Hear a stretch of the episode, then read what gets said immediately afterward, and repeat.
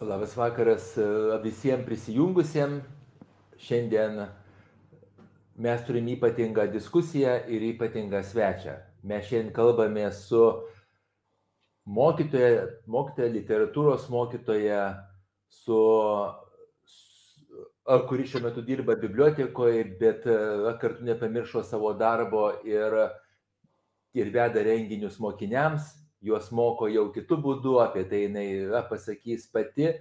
Ir mes šiandien kalbam, galim sakyti, su pasakų specialistė. Ir ji yra Daina Krukoninė. Ir be visa kito, yra dar ir mano giminaitė, mano pusėserė, kur, kur mes gana retai matomės, bet tas matymas jis visada yra malonus. Tai sveika, Dainelė. Labas vakaras. Esu Daina Neverauskaitė Krukonienė. Visą gyvenimą buvau mokytoja. Sako, kad mokytojų nebūna būtuoju laiku, mokytojai ir liekame.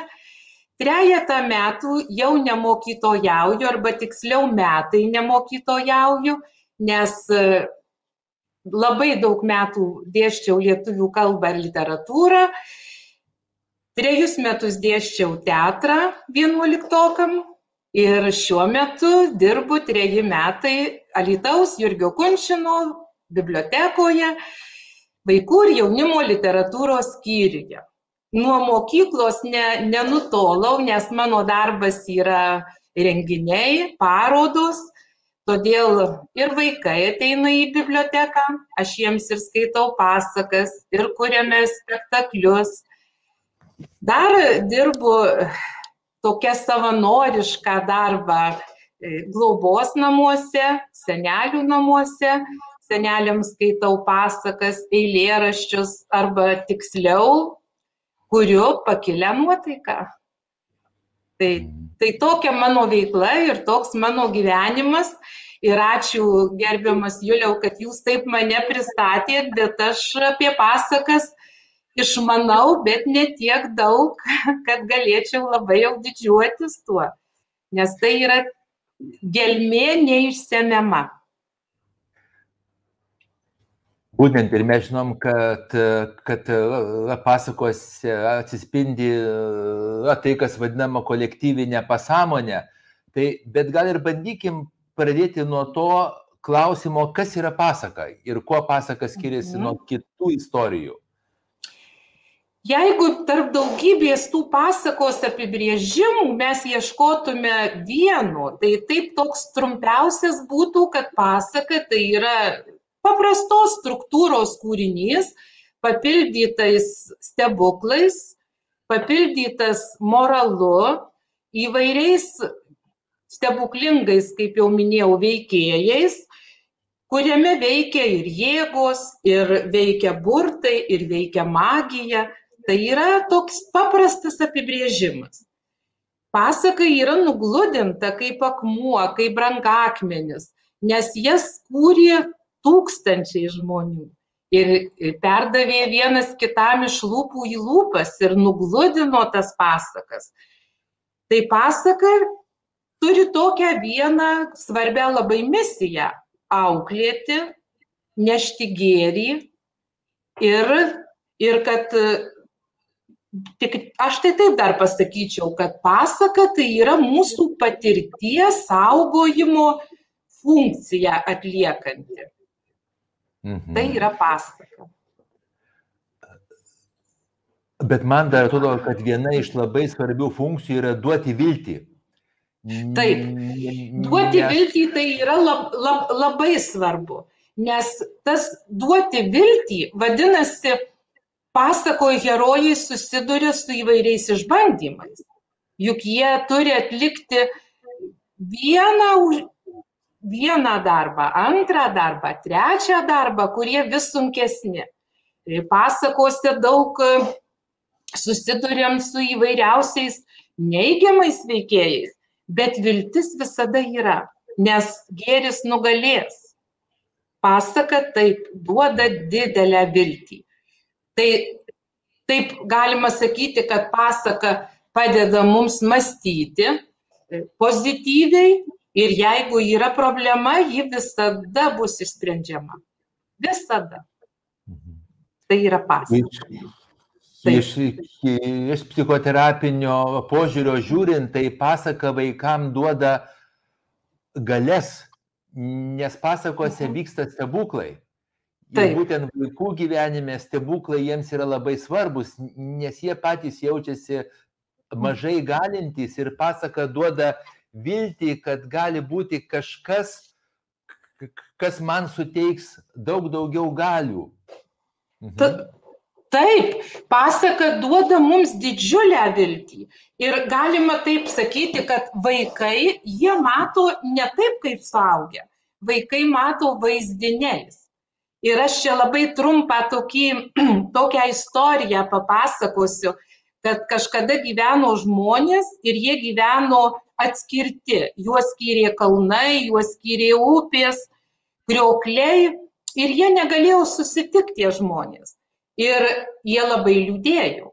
Ir iš dangaus nusileido angelas, jisai ištiesė baltą sparną ir žmonės pradėjo statyti tiltus. Ir kai jie pastatė tiltus, jie pradėjo bendrauti ir draugauti. Ir angelas atrodo nieko nepadarė. Jis tik ištiesė baltą sparną ir žmonėms suteikė viltį. Tai šitas toks gražus pasakojimas ir parodo, kad vaikam reikia vaizdinių, vaikam reikia stebuklų, nes vaikai patys yra stebuklingi. Jiegi yra tokie švarūs, tokie gražūs. Vaikai, vaikai yra linksmi, vaikai visi yra geri. O suaugę žmogus, žiūrėkit, dažnai kaip vyksta, sakykime, pasakų terapija. Tai vaikam viskas įdomu, jisai džiaugiasi, jis laimingas, jisai jam taip nauja patirtis. O suaugęs visada klausia, kaip čia bus, kodėl, aš nesugebėsiu, aš negalėsiu, aš, man galbūt neišeis. Tai, tai vaikai irgi daug ko moko, daug ko moko. Ir jeigu pasakyt, kodėl vaikams reikia pasakų, tai reikia dėl labai daugelio dalykų, nes pasakos lavina vaizduotę. Pasakos e, padeda sukurti tokią, pasakų sėkimas padeda sukurti tokią saugią aplinką. Jeigu mes sekam vaikam, gal vėliau pakalbėsim apie tai vakarais, e, pasakos plečia vaikų žodyną, vaizduotę, dėmesį pasakos gerina tarpusavio ryšius. Tik tas pats pasakų sėkimas labai gerina tarpusavio ryšius. Visi vakarais, kaip žiūrėkit, senoviai, sakykim, visi susėsdavo, mama verpdavo rateliu ir pasakodavo vaikam pasakas. Tai dabar mes irgi galėtum savo vaikams pasakoti vakarais pasaką nes pasaka atlieka ir nuraminimo funkciją. Ir, ir, ir tų funkcijų tikrai yra be galo, be galo daug. Ir svarbiausia, kad pasakos per tą savo unikalią struktūrą parodo vaikui, koks turi būti žmogus ir koks yra pasaulis. Kad pasaulis yra ir geras, ir blogas ir kad vaikas susidurs su viskuo gyvenime ir kad visko reikia. Tai sakyčiau, todėl vaikams ir reikia pasakų. Mhm.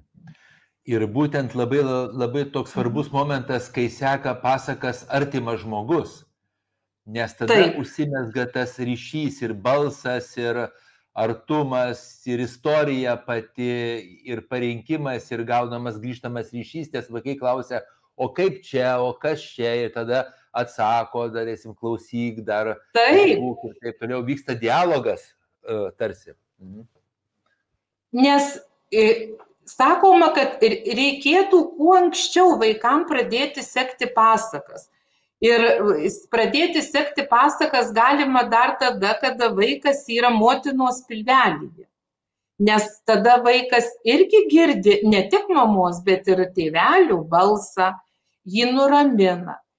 Aišku, vėliau tos pasakos, kada vaikutis visiškai mažas, iki, sakykime, kokių ten trejų metukų, tai tos pasakos tegul bus trumputės. Ir prieš miegą, arba ten ryto, ryto metą, arba kai vaikas neramus, gal tai bus pasakos apie kokį nors gyv, gyv, žvėrelį, paukštelį, kad jinai būtų trumpa ta pasakėlė. Bet vaikas prisiglaus, jis pajus mamos ar tėvelio rankas, galbūt mamytė ar tėvelis jam paniuniuos lopšinę. Juk kiek daug pasakų yra su dainuojamaisiais intarpais. Ir, ir, irgi nebūtinai reikia turėti ten idealią klausą, ar e, balsą, kad tu, tu esi mama, tu esi tėvelis ir tu padainuoji vaikui, paniuniuoji vaikui. Kada vaikutis auga, tada jisai jau tos pasakos sudėtingėja. Ir vyresniam vaikui, vyresniam jau pasaka taip pat ilgesnė gali būti. Ar pasakoti pasakas kitų tautų? Žinoma, bet svarbiausia savo tautos pasaką papasakoti, lietuvių liaudies pasaką. Ir aš nežinau, aš pati, jeigu prisimenu save, aš prisimenu, kaip man pačiai mano senelė sekė pasakas, aš prisimenu daug jos sektų pasakų, bet svarbiausia prisimenu tą šilumą kaip jinai pasakodavo, kaip jinai mane prisiglausdavo, kaip aš paklausdavau. Ir tie vaizdiniai tiesiog skriste skriejo mano galvoje. Ir, ir sakykime, žiemą aš irgi matydavau ir atrodo tos naigės gyvos. Ir, ir paskui išėję į lauką mes vaikai žaisdavom įvairiausius žaidimus. Aš dabar dažnai vaikų paklausiu, ar jūs žaidžiat. Ir vaikai sako, ne, mes jau nebežaidžiam tokių žaidimų. Mes tai žaisdavom ir būdavom ir voverės, ir keunės, ir, ir upelį lakstydavom, ir, ir, ir plaukus susidė... prisiaugindavom, ar kaip čia pasakyti, į šitų kukurūzų, burbuolių, tuos įsivaizduodavai, vaizduotė lavina pasakos. Ir, ir, ir aš atsimenu tą šilumą svarbiausia ir vis sakydavau, senelė, pasek man pasaką. Ir, ir, ir jis sekdavo tas pasakas. Ir, ir, ir dabar gera, kad aš girdėjau tas pasakas. Mhm. Būtent, ar šiuo metu kaip suaugusi moteris, ar paskaitai kartais pasakas ir ar buvo tokių pasakų, kur tau buvo noras perskaityti iš naujo jas, kaip, pažinomas, mhm žinomas pasakas kaip Andersono, Haufo, brolių Grimų, ar ten tūkstantį ir vieną naktį, ar dar kažkokias tai pasakas. Mhm. Pasakų tyrėjai sako, kad reikia sekti pasaką vaikui tiek kartų, kiek jisai prašo. Ir jeigu jis prašo kas vakarą tos pačios pasakos, reikia ją ir sekti. Reikia pasaką perpasakoti po metų po dviejų metų, po trejų metų. Ir tą pasaką mes suvokiam kitaip. Sakykime, man močiutė pasakojo pasaką apie jaunikaitį su sidabro nosim. Ir aš tą pasaką, kada buvau maža, suvokiau vienaip, dabar aš ją suvokiu visai kitaip, nes aš pati užaugau jau ir, ir, ir kartu ir vaikai, jeigu mes vaikui pasieksime pasaką, kada jisai pirmokas ir, ir, ir pasieksime pasaką, kada jau jis bus aštuntokas, jis tą pasaką suvoks kitaip. Juk mokykliniai programoj mes penktoj klasėje skaitydavom Sigutę ir Sigutę skaitom vyresnėse klasėse. Nes tas suvokimas jau yra visai kitoks. Tai gilinti, skaityti reikia. Taip, aš ir dabar paskaitau pasakas ir, ir tos pasakos tikrai, tikrai atveria dabar jau vis kitus lobynus, nes, nes aišku, jau ir aš kita. Ne ta naivi, naivi mergaitė. Taip ir gerbiama Vaiva, mūsų mhm. klausytoja žiūrovė atkreipė dėmesį į pačią semantinę reikšmę žodžio pasaka, nuo žodžio pasakoti, nuo žodžio sekti. Taip. Ir mes tada galim dar kartą atsakyti gerbiamai Editai, kad, kad pasakų sekimas greičiausiai jis turi kitą vertę negu skaitimas arba klausimas. Taip. Tai... Taip. Taip, ginčijamasi, ar sekti pasakas, ar skaityti, jeigu tikrai pasakos yra tik sekamos. Ir tu, kai seki pasaką, irgi aš daug skaičiau, kaip sekti tą pasaką, kaip reikia sekti. Pirmiausia, sakoma, kad reikia sekti širdimi. Tu turi pats susigyventi su ta istorija. Tau ta istorija turi taip pat būti svarbi Nes jeigu tu seksi istoriją, kuri tau yra visiškai svetima, tai bus blogai. Nes tu turi tai sekti, kas tau yra aktualu. Nereikia, sakoma, pasaką, sek, sekant pasaką, nereikia nu, sekti vaiko balsu. Reikia sekti savo balsu ten pasmailinti, padailinti to balso. E, reikia, kada tu pasaką pasieki, tai kitas yra ryšys, tu interpretuoji. Kada tu skaitai, tu jau matai tekstą. Ir tu tą tekstą matydamas, tu atkreipi dėmesį į skyrybo ženklus. Ir tavo jau ta intonacija jau nebus tavo. Jis jau bus užrašyta ta intonacija. Bet aišku, ir skaityti nėra labai blogai, nes jeigu tu negali pasiekti dėl įvairių priežasčių, tai tada skaityk pasakas, knygelės vaikams, tai irgi bus gerai. Taip aš manyčiau. Svarbiausia, bendraukime. Būtent, būtent ir aš dar Taip. pridėčiau, kad pasisodinti savo vaiką arba vaikus šalia, mhm. apsikabinti, glostyti galvelę, arba, arba vaikutis guli, apkamšyti jį, pabučiuoti kaktą, paskaityti pasaką, vėl apkamšyti, vėl pabučiuoti kaktą. Va čia irgi labai labai, labai svarbu. Taip, kad tai išsirutuliuotų toks, kad tai būtų ritualas ir tas ritualas gal, gal ne kas vakarinis. Dabar tėveliai labai pavargę, labai skubantys, bet juk didžiausias turtas tai yra mūsų vaikai ir mūsų anūkai. Ir, ir jis užauks ir jis gal neprisimins tos pasakos, bet jis būtinai prisimins tą ritualą. Kaip e, va, ir sakėte, kad atėjo artimas žmogus, šeimos žmogus, kad jis tave apkamšė, kad jis tave, kad jis tave pabučiavo, kad jis tave pasupavo, kad jis nuramino tave. Tai visada išliks šitas. Ir vaikas suaugęs, aišku, yra sakoma, kad nebijokite, jeigu vaikas nu, pasuko blogesniu keliu, nežinau net kaip čia pasakyti, jeigu jūs einate teisingu keliu, tikriausiai ir tas vaikas sugrįš į tą kelią.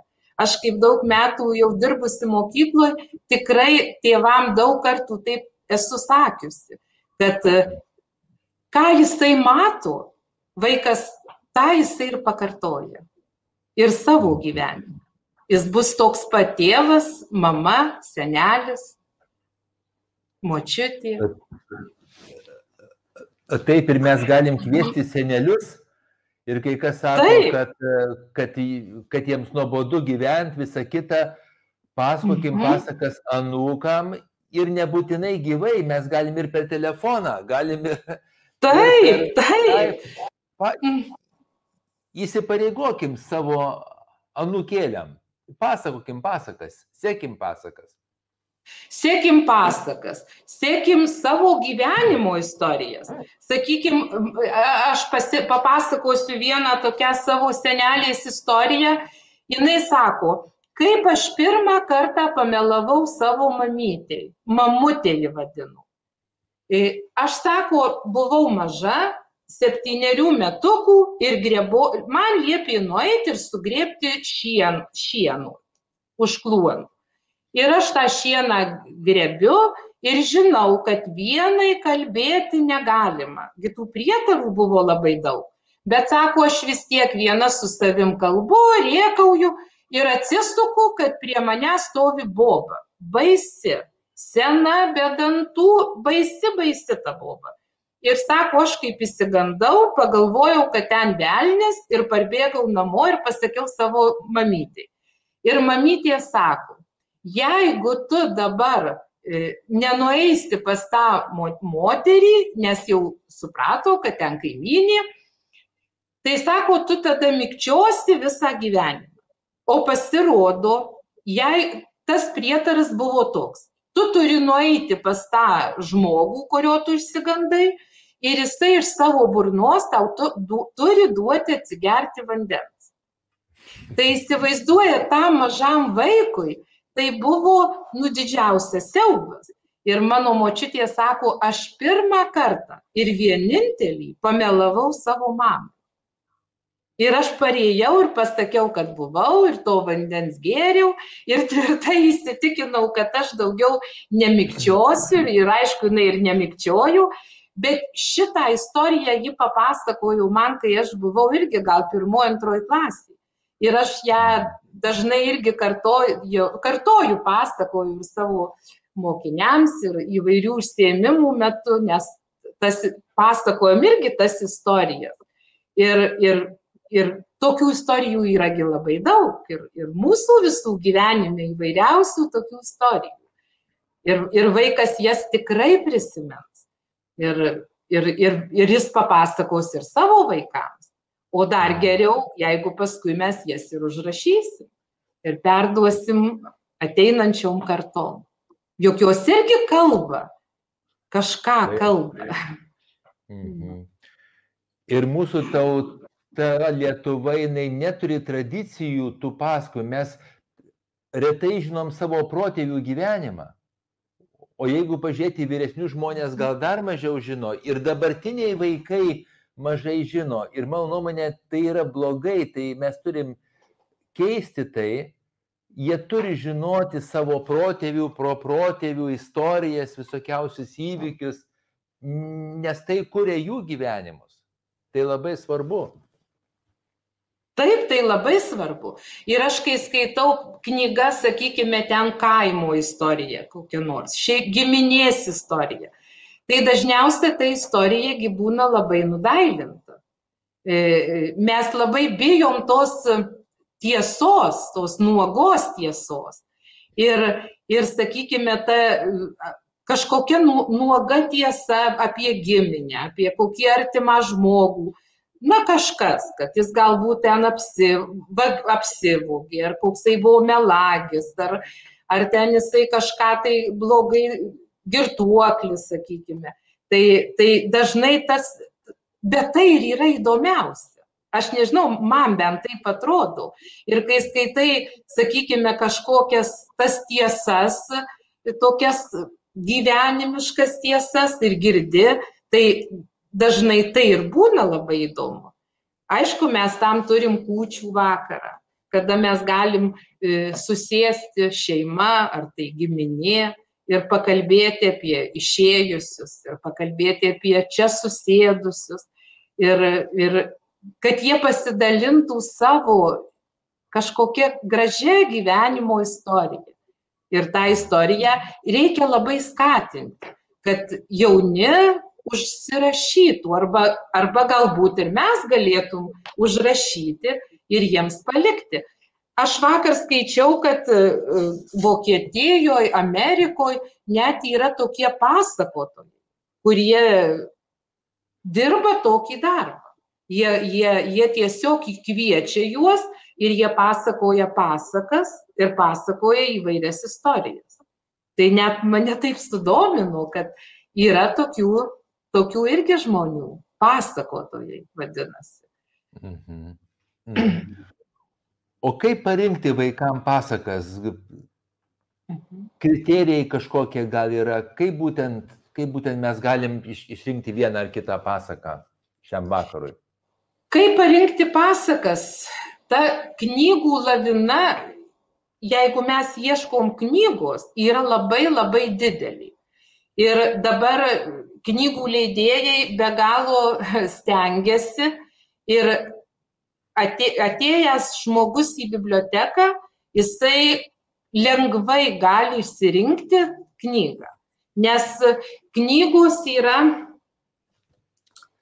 labai suskirstytos. Sakykime, patiems mažiausiems, e, kurie, kuriems ma, visai mažiem vaikučiam knyga svarbiausia vizuali knyga.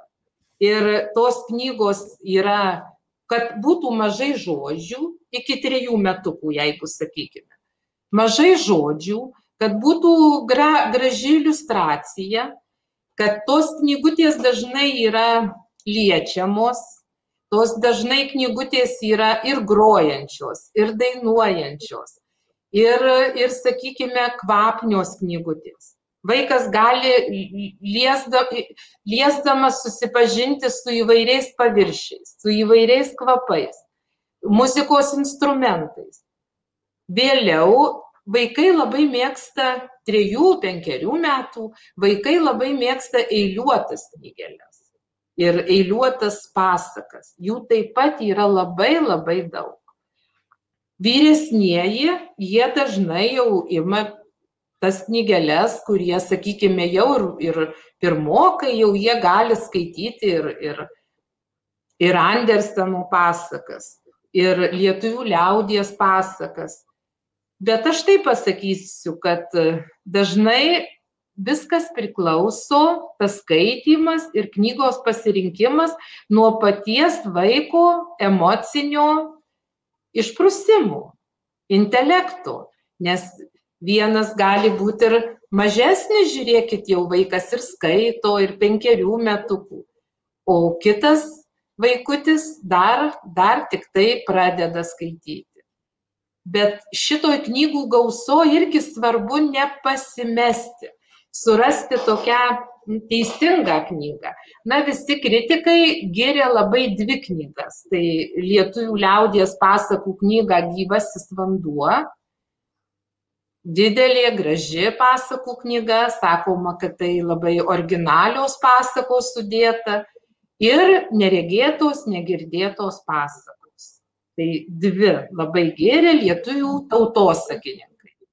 Ir Sauka, Aleksinas, šitas dvi knygas ypatingai išskiria iš tos knygų gausybės.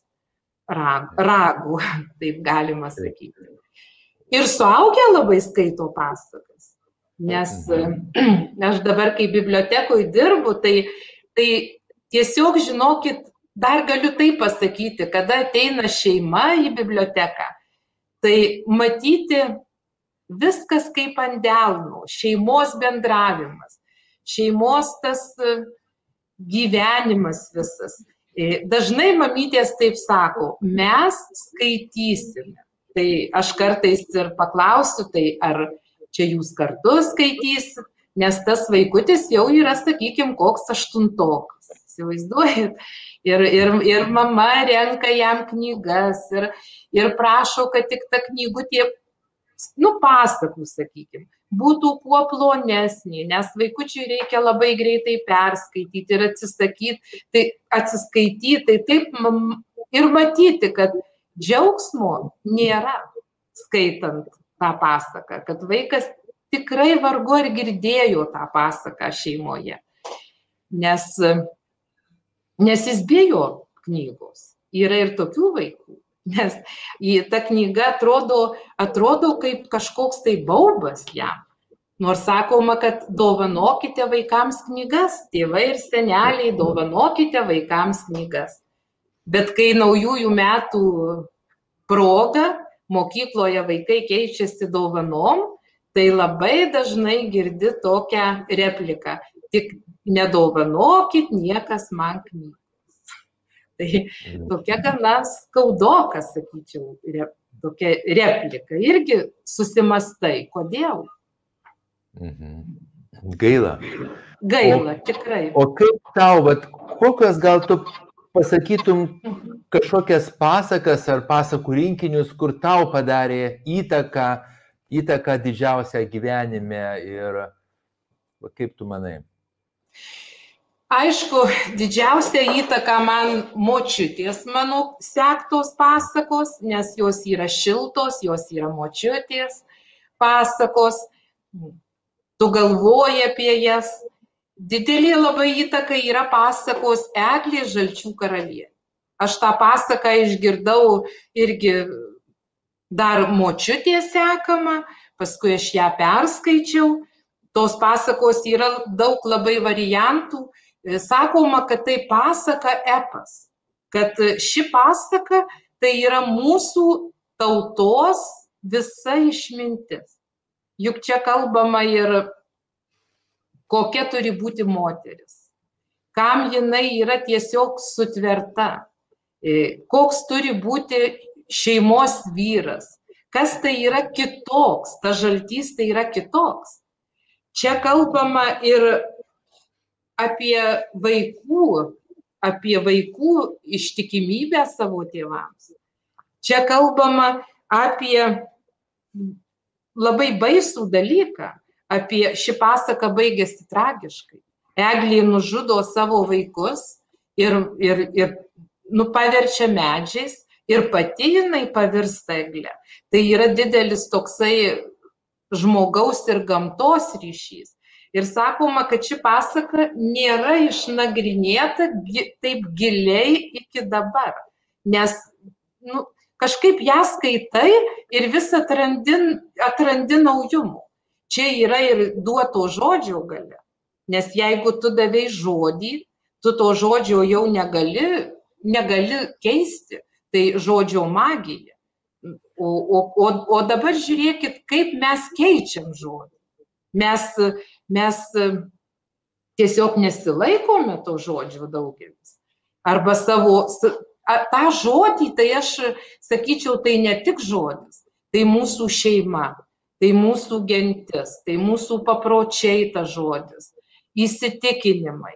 Tai žmonės kaip aitvarai laksto dabar, sakykime, ir, ir, ir, ir, ir, ir, ir, ir nebijo tą žodį keisti. Ir, tas, ir to paties žalčio mirtis, ką jinai reiškia, tas žalčio užkapojimas, juk tai, juk tai ne, ne bet kokia mirtis, tai, tai, tai tokia nu, bais, baisi tema, tas žalčio nužudymas. Tai šita pasaka. Na ir aišku, Anderseno pasakos. Tai, tai, tai jau čia ištisa magija. Man tai Andersenas, aišku, aš pasakas tas perskaičiau irgi mokykloj, bet dabar aš vis paskaitau apie patį Anderseną. Ir, ir kada tu žinai jo gyvenimą, arba, nu, kažkiek žinai, tai tada lengviau suprasti ir tas pasakas. Tai čia irgi yra, nu, visa istorija. Aš kaip pasakoju dažnai vaikams Anderseno pasaką ir, ir tada susijęji su jo gyvenimu. Juk Andersenas gimė labai neturtingoje šeimoje. Ir motina buvo skalbėja, tėvas buvo batsiuvys, jisai kentė ir šaltį, ir nepriteklių. Nes pasakose laimi dažnai tie, kurie yra skriaudžiami, kurie yra niekinami. Tai trečiasis brolis, jisai visada yra kvailys, našlaitėlė, tai treči, ant, podukra. Tai jie yra visada, jie visada laimi. Tai ir Andersenas, galima sakyti, irgi buvo tas skriaudžiamas, engiamas. Ir, ir jo pasaka, bjaurusis ančiukas, tai yra atsispindi. Nes ančiukas tai yra kitoks. Kaip mes priimam tą kitokį. Ir žiūrėkit, ančiukas virsta gulbe ir Andersenas e, iš, nu, jis savo pasakose irgi išlik, išliko ir, ir nors jisai sakė, kad aš rašau daugiau suaugusiems nei, nei vaikams. Arba, sakykime, meilį Anderseno pasakose. Tai pats Andersenas buvo labai nelaimingai įsimylėjęs žymę dainininkę Lindą. Ir ta meilė buvo nelaiminga. Ir ji buvo tokia skaudi, kad Lind jam atsiuntė veidrodį. Kad jis pasižiūrėtų į veidrodį ir suprastų, koks jis yra negražus ir, ir, ir kad jis netinka tokiai gražuoliai. Tai kritikai sako, galbūt sniego karalieniai e, veidrodis ir užima tokią svarbę vietą, kad tas veidrodis ir simbolizuoja, ir simbolizuoja tokį perėjimą iš vienos būsenos į kitą, jisai dušta, šukies pažyra, įkrenta į akį kajui. Tai Anderseno pasakos yra nu, magiškos ir man jos labai labai svarbios. Labai. Taip. O kaip tau Haufo pasakos? Nes man Haufo pasakos aš mhm. bijodavau, drebėdavau, ten man gal buvo kokie šeši metai, kai aš jas skaičiau septyni. Mhm. Ir, ir vis tiek skaitydavau. Taip. Haufo, tai aš atsimenu irgi, pirmoji pasaka buvo Nikštukas nosis. Mhm. Ir šita pasaka tikrai yra labai baisi. Ir atrodo, ta, ta vieta, kada ateina mama su sūneliu į turgų ir, ir, ir, ir mato, kaip ta sen, sena, jau aišku, jinai ragana, kaip jinai spaudo kopūstų galvas ir, ir tų siaubo scenų ten yra daug. Bet irgi teigiama, kad vaikui reikia to siaubo. Jam reikia to siaubo, nes nu, kaip sakoma, kad kiekviename mumyse glūdė agresija. Ir aš nežinau, ar, tai tiesa, jau, jau čia jūs, psichologai, psichiatrai, galite pasakyti, bet kiekviename glūdi kažkas, tai nu, mes nesame idealūs, švarūs, geručiai, juk kartais norisi kažką tokio iškrėsti, žinoma, ne taip kaip Haufo pasakose, bet, bet kažką tai tokio nu, blogo galbūt, pameluoti, pa, kažką pastumti. Ir, ir, ir ta pasaka, tos pasakos irgi mums, nu, gal padeda nuleisti tą garą, tą blogą garą. Taip, šitos pasakos yra tokios, nu, baisokos, baisokos. Bet pasaka ir yra pasaka. Jinai paprastai baigėsi gerai. E, išskyrus, aišku, kelias pasakas lietuvių liaudės, tai kurios baigėsi blogai. Tai jau minėta Eglė Žalčių karalienė, Sigutė. Tai ji baigėsi tikrai, tikrai blogai. Ir, ir, ir tą pasaką sekti irgi ginčiamasi, kaip, nežinau, gal jau čia pereinam ir prie kitos temos, kad kaip sekti tas pasakas, baises pasakas ir ar jas reikia sekti. Tai mano nuomonė, kad jas reikia sekti. Nes per pasakas teisingų būdų vaikas pažįsta pasaulį. Nes geriau jis tegul pažįsta pasaulį per pasakas, kad ne tik yra gėris, bet yra ir blogis kad ne tik viskas tau gyvenime klostysis gerai, bet, bet tu sutiksi daug ir blogių. Ir,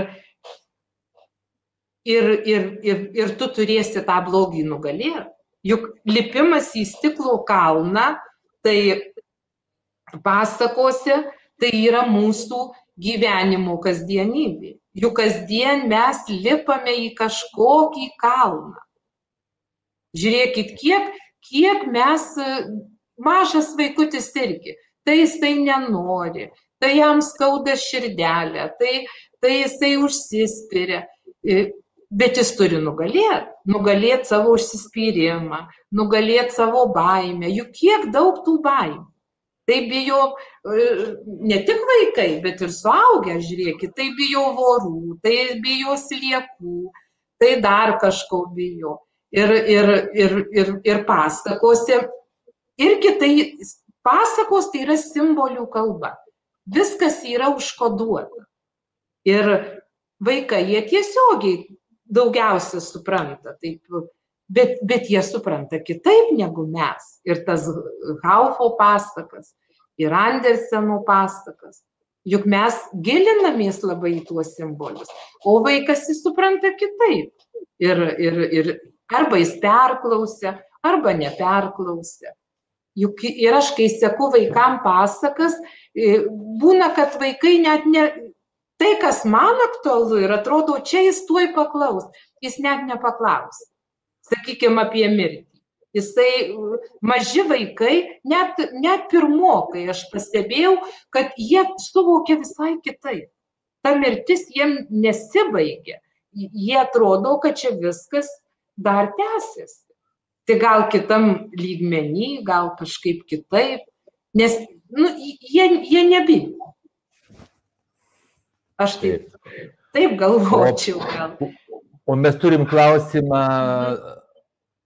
nuo kokio amžiaus jau galima būtų sekti tas baises vadinamasias pasakas, kaip tau atrodo? Tai irgi priklauso labai nuo vaiko. Jeigu, žinoma, labai jau tų baisių pasakų jas dar reikia taip pasekti, kad mes ją pasektume, bet nepapasakotum kaip siaubo filmų. Tai irgi labai yra svarbu. Nes jeigu mes papasakosim ten kaip siaubo filmą, tai, tai su daug epitetų, su daug vaizdinių. Juk pasakos kalba yra labai skalsi sakykime, sako, kad ir apie sikutį pasaką, kad ragana išsuko kalytei vieną koją. Bet, bet ji nepapasakoja kaip filme, ką ta kalytė ten jautė, kaip jinai suko ten į kairę, į dešinę, aukštyn, žemyn ar taip toliau. Ir užtenka to. Ir užtenka. Tai, tai irgi labai priklauso nuo vaiko jeigu tas vaikutis labai jautrus, aišku, tų pasakų nereikėtų sekti, tokių, tokių baisių. Mhm. Čia visai neseniai atėjo tokia moteris į biblioteką ir atnešė knygą Trys paršiukai. Ir jinai sako, e, aš baisesnės pasakos dar nesu skaičiusi. Ir aš dabar net pamaščiau, tai kasgi ten yra baisaus. Nieko toj pasakoj. Nes sakykime, kad ir baisi pasaka Vilkas ir septyni ožiukai. Vilkas ateina, suėda ožiukus, bet vėliau e, ožiukai išlenda iš vilko pilvo. Vienoj pasakoj Vilkas e, akmenų ošką prideda vilkui, užsiuva jam pilvą ir, ir, ir vilkas įkrenta į upę. O kitoj pasakoj vilkas lieka gyvas, sveikas, tik tai užsiuva pilvą ir jis pabėga į mišką kitam variantui. Tai vienam gal vaikui tai bus labai baisu, o kitam tai amžiaus tokio kaip ir nėra. Tai irgi priklauso nuo vaiko brandos. Kiek brandus tas, tas vaikutis. Būtent ir aš matyčiau, kad mums kad mums labai svarbu žinoti, dėl ko mes pasakojam. Mes pasakojam dėl to mhm. moralo, o ne dėl detalių. E, Taip. Tos pasakos tų mhm. baisių. Ir antras dalykas, mes turim žiūrėti į vaiko reakciją. Ir aš atsimenu savo mamą, tai mes su seserim jį pasakodavo pasaką Eglė Žalčių karalienė, mes verkdavom krūvinom ašrom kiekvieną kartą ir vis prašydavom sekantį kartą, kad vėl pasakotų jį e, tą pačią pasaką. Ir šitą pasaką mus augino. Ir aš atsimenu net jausmus ir mintis apie šeimą, vat, kaip tu labai gražiai sakai, apie mhm. įsipareigojimą, apie klastą. Irgi atskira tema man labai mhm. įstrigo. Ir mes turim klausimą, kokios pasakos yra, yra galbūt vertingesnės, ar eiliuotos, ar tiesiog kaip pasakojimai, proza, kaip tau atrodo? Ar taip pat? Vertingos? Čia gal nežinau, ar reikia dėti lygybės ženklą, tai irgi priklauso labai lietuvių liaudės eiliuotų pasakų nekūrė. Lietuvių liaudės visos pasakos yra, yra parašytos ep, ep, epinė kalba, o eiliuotos pasakos tai yra jau Kosto Kubilinsko pasakos, Salomėjos Neries pasakos, e, Vainilaičio pasakos, vaikai skaito šias pasakas, mėgsta, vaikai mėgsta eiliuotą kalbą. Bet eiliuotos pasakos, kaip minėjau, gal labiau tinka mažiesiems, nes ir darželių auklėtojos skaito šias pasakas e, eiliuotas. Sakoma, kad pasaka pasaka taip, pasaka mus augina. Ir, ir, ir mes bręstam, mes augam kartu su pasaka. Ir kada mes sekam pasaką ar skaitom pasaką, mes negalime keisti e, perpasakodami, va kaip ir Juliau jūs sakė, kad mamytė sekė pasaką. Vadinasi, jinai sekdama pasaką tikriausiai nekeitė detalių. Ji vis pasakojo tą pačią pasaką ir galbūt akcentuodama dalykus tuos pačius, kurie jai buvo svarbus. Nes jinai sekdama tą pasaką, aišku, jinai matė jūsų reakciją. Ir jei jūs verkėte, jūs ir turėjote verkti. Nes, nes jums čia buvo liūdna, jūs parodėt savo emociją, kuri jums buvo svarbi ir gerai, kad jūs ją parodėte. Taip. Aš vis tokius duodu pavyzdžius. Mūsų mokykloje dirbo toks labai žymus mokytas lietuvių kalbos Martinaitis. Ir aš kai pradėjau dirbti, jisai vieno posėdžio metu atėjo, nu, pas, kalbėjo jisai apie penktokus ir jisai sako, Aš dirbu mokykloje 40 metų. Ir kai pradėjau dirbti ir skaičiau kos, iš Biliūno apsakymą kliudžiau, pusė klasės verkė. Mergaitės verkė. Čia viskas vyko, nu, sakykime, prieš, jisai pasakojo kokią 30 metų. O šiuo metu, kada skaitau aš tą novelę, pusė klasės juokės.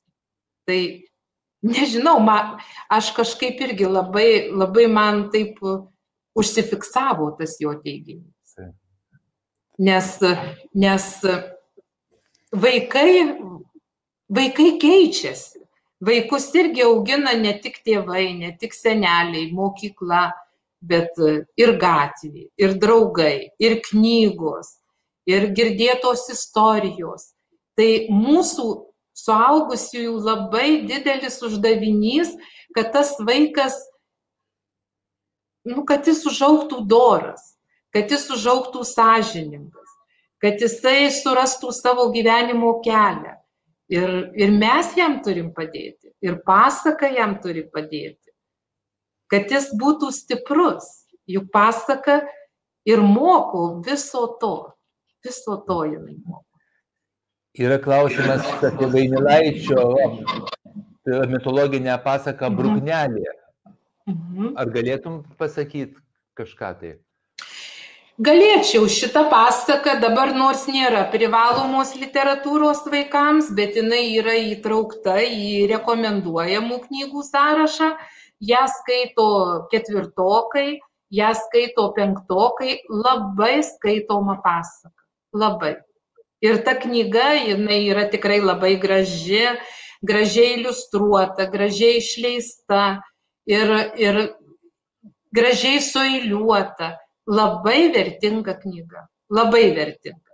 Ir, ir aišku, mitologija visa labai, la, labai mūsų šaknys čia yra.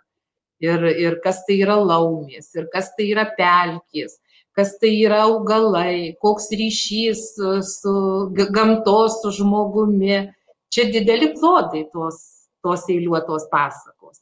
Ji, ji skaitoma, tikrai, tikrai labai, labai skaitoma ir vertinga knyga. Mėgiama ir vaikų pačių labai knyga. Tai tie galėčiau pasakyti, rekomenduoju. Dėkui labai ir gal dar į, į vieną kitą klausimą, dar jeigu man parodytų klausimus, tai mhm. mes matytume, mums parodytų klausimus, mes matytumėm, kokiu mhm. dar klausimų yra. Ir uh, man čia dabar sunkiau pamatyti. Uh, aha, dar klausimas, uh, kokias pasiekas mes, mes a, galime rekomenduoti darželinukui 5-7 metų, kad būtų daugiau vaizdinių ir mhm. padėtų mokytis naujų, naujų žodžių. Mhm. Gal kažką tai pasakytum. Šiem, šiem, vaikučiam, taip, šiem vaikučiam reikia pasakų, kurios daugiau yra gyvulinės pasakos. Tai apie vilkas ir ožiukai labai netinka. Vaikai mėgsta labai vaidinti. Aš šitą pasaką visada vaikam perskaitau ir paskui mes ją suvaidinam. Ir, ir, ir suvaidinam, ir interpretuojam. Tai labai graži pasaka. Na, o stebuklinės pasakos, tik aišku, kad tai nebūtų labai ilga ta pasaka. Tai vaikam irgi patinka, jiem patinka ir apie raganą, ir apie našlaitėlės, tik tu, tos pasakos, kurios nėra, jeigu taip sakykim, imam tą pasaką, kad tai būtų dabar net išleista knygos, sakoma, penkių minučių pasakos. Net, net, net laikas matyti kad kiek trunka tą pasakėlę paskaityti. Vaikam netinka šitiems vaikams pasakos, kurios, sakykime, jiem, jie patys gali kurti pasaką. Dabar yra išleistos knygos, kur labai mažai teksto, bet daug iliustracijos ir ta iliustracija nebūtinai tokia reali jinai net tokia simboliška, kad lavintų vaiko vaizduotę ir vaikas galėtų skristi kaip ant sparnų ir kurti savo istoriją. Vaikai jau šiti kuria savo istorijas, penkerių metų vaikai, jie jau sugeba sukurti istoriją. Tai tokios trumpos, neilgos, konkrečios, paskui aptariam su vaikais, gali ir muziką groti, nes muzika kartu eina su pasaka, gali ir paukščiai čiulbėti, jeigu mes turime tokią galimybę, ir upė čiurlenti, tai bus kartu ir pasakų terapija vaikams. Mhm. Ir dar vienas klausimas, kodėl vaikai nemėgsta, kai pasakose mes pakeičiam bent vieną žodį arba frazę. Mhm. Iš tikrųjų tai būna. Taip, jeigu vaikas tą pasaką girdėjo, jisai dažnai sako, ne taip, e, mes sakom ten, karalius atsisėdo. Tai vaikas sako, ne, jis neatsisėdo, jisai ten dribo ar, ar nu, kažkokį kitą sinonimą. Todėl, kad jis nori tiesos. Ir jis jaučia, kad mes jau meluojam. Aš tai taip gal interpretuočiau. Jisai, jisai tiki, kad mes teisingai pasieksim tą pasaką. Ir vaikai labai džiaugiasi, jeigu mes, sakykime, jis jau girdėjo, mes suklydom ir, ir jisai sako, oi, čia ne taip, aš jau geriau moku tą pasaką. Mhm. Aš kartais net, sakykime, kaip žino vaikai tą pasaką, moka, mes kartu sekam tą pasaką. Ir tada, ir tada dar atsiskleidžia nauji tokie klodai. Mhm. Nes vaikai mėgsta mes... tiesą. Taip. Ir aš manau, kad dar vaikai labai svarbu, jie nori pajausti savo galės. Taip. Jie nori prisiminti, jie pasidžiaugia, kad jis prisimena Taip. Ir jis nori įtakoti šitą procesą irgi pajausti galės ir mes turėtumėm leisti jiems tai mhm. padaryti. Ir net būtinai, būtinai, nes jeigu vaikas, sakykime, jeigu vaikas nedrasus, jeigu vaikas turi kažkokią įdą, mes negalim iš jo, pas, niekada negalim iš vaiko pasijuokti. Mes turime papasakoti pasaką, sakyk, sakykim, išryškint tą įdą, bet gal tą įdą turi kiškelis ar ten vilkas ir, ir gal tas vaikas pats ras išeitį, kaip padėti tam kiškeliui, kad jisai taip nebijotų, kad jis nesislėptų po tuo lapu. Arba kaip vilkui, kaip tas vilkas toks goduolis. Nes tada jis taip, vaikas pajus savo galę, kad jis sugebėjo rasti sprendimą, kad jis padėjo. Juk aš jau minėjau, vaikai tikrai yra labai geri, labai geri. Ir, ir, ir, ir, ir, jie, ir jie moka rasti išeitį iš sunkios padėties. Mhm. Ir gudrus vaikai. Taip. Ir vienas komentaras, kad ar vaikai mėgsta e, piešti pasakas, kur perskaito arba, arba jiems pasieka pasaką, jie mėgsta, Taip. jie mėgsta kartais nupiešti ir čia pasireiškia fantazija. Ir, Taip, vaikai mėgsta piešti ir vaikai, kada piešia, jie aišku, jie aišku išreiškia savo jausmus. Mes irgi galim būti gudrus, mes matom, jei jis renkasi spalvas, kokie tie jo piešiniai, ar jie šviesūs, ar jie tamsūs. Galbūt ta pasaka kaip tik jam sukėlė niūrės kokias nors mintis ar asociacijas, jeigu juoda vien tik tai spalva. Ir Ar, mesgi matom, sekdami pasaką, ar tos sakutės spindi, ar, ar, ar, ar nelabai tos sakelės spindi. Jeigu mes vartom su vaiku knygą, mes būtinai turime pasakyti ir pasakos pavadinimą, ir kas tą knygelę iliustravo, nes mes labai pamirštam. Pamirštam dailininką, nes dailininkas kiek daug įdeda jėgų, e, tikrai labai daug. Ir, ir dažnai mes tik pasakom, čia, nu, sakykime, jau ne pasaka, bet gal literatūrinė pasaka ar kokia istorija. Ir reikia būtinai pasakyti, kad kas autorius, kas knygą iliustravo. Ir, ir surenkti vaikų parodas dažnai, kad vaikai matytų ir kiti vaikai pasidžiaugtų net ir, net ir suaugę, sakykime, globos namų seneliai irgi mėgsta piešti. Jie, žinokit, yra kaip vaikai. Kada paskaitai pasaką, nebūtinai reikia, gali piešti, bet gali ir kažkokį tai, sakykime, stebuklingą veikėją pagaminti. Ir jis, kaip ir Anderseno pasakosegi, gali ir žirklės būti stebuklingos, ir pieštukas, ir trintukas. Ir iš, vaikai mėgsta ir, ir piešti, ir vaidinti. Labai jie mėgsta. Juk jie yra kūrybingi, jų vaizduotė laki. Mhm. Prisiminiau vieną filmą labai garsų apie AIDS, apie žmogų, kuris susirgo AIDS, jis, man atrodo, vadinasi paskutinis vakarėlis, labai garsus filmas. Mhm. Ir tas žmogus jau žinojo, kad jam už, uh, už ten savaitės ar už mėnesio jisai, jisai pras savo smegenis ir bus ten iš tikrųjų labai didelis komplikacijos ir jis nutarė nusižudyti ir padarė vakarėlį visiems savo draugam ir visas filmas apie tai. Ir jis po to paprašė, atsigulė ir paprašė mano savo auklės, man atrodo, kad ne jam, kad ne jam skaitytų, skaitytų pasaką paskutinį. Tai vat, kai tu pasakoji apie, apie asenelius iš globos namų, tai iš tikrųjų pas juos tas vaikiškas režimas aktyvuojasi. Taip. O aš labai labai linkiu, kad mes ir suaugę ir dar iki globos namų, dar kol nesam skaitytumėm pasakas, matytumėm grožį, turėtumėm viltį,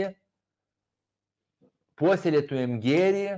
Ir aš labai labai dėkoju, dėkoju daineliai, kuri nuostabiai pasakoja, aš esu girdėjęs jos vedamus renginius, yra iš tikrųjų nuostabu ir, ir ačiū tau labai. Ačiū labai. Ir... Ačiū, Ačiū, skaitykite pasakas, džiaukitės, mylėkite vienas kitą. Ir viskas bus gerai. Juk gyvenimas labai trumpas, bet labai gražus. Taip. Ačiū. Dėkui visiems, kurie esate kartu ir iki kitų stikimų. Ačiū labai. Ačiū. Dėkui.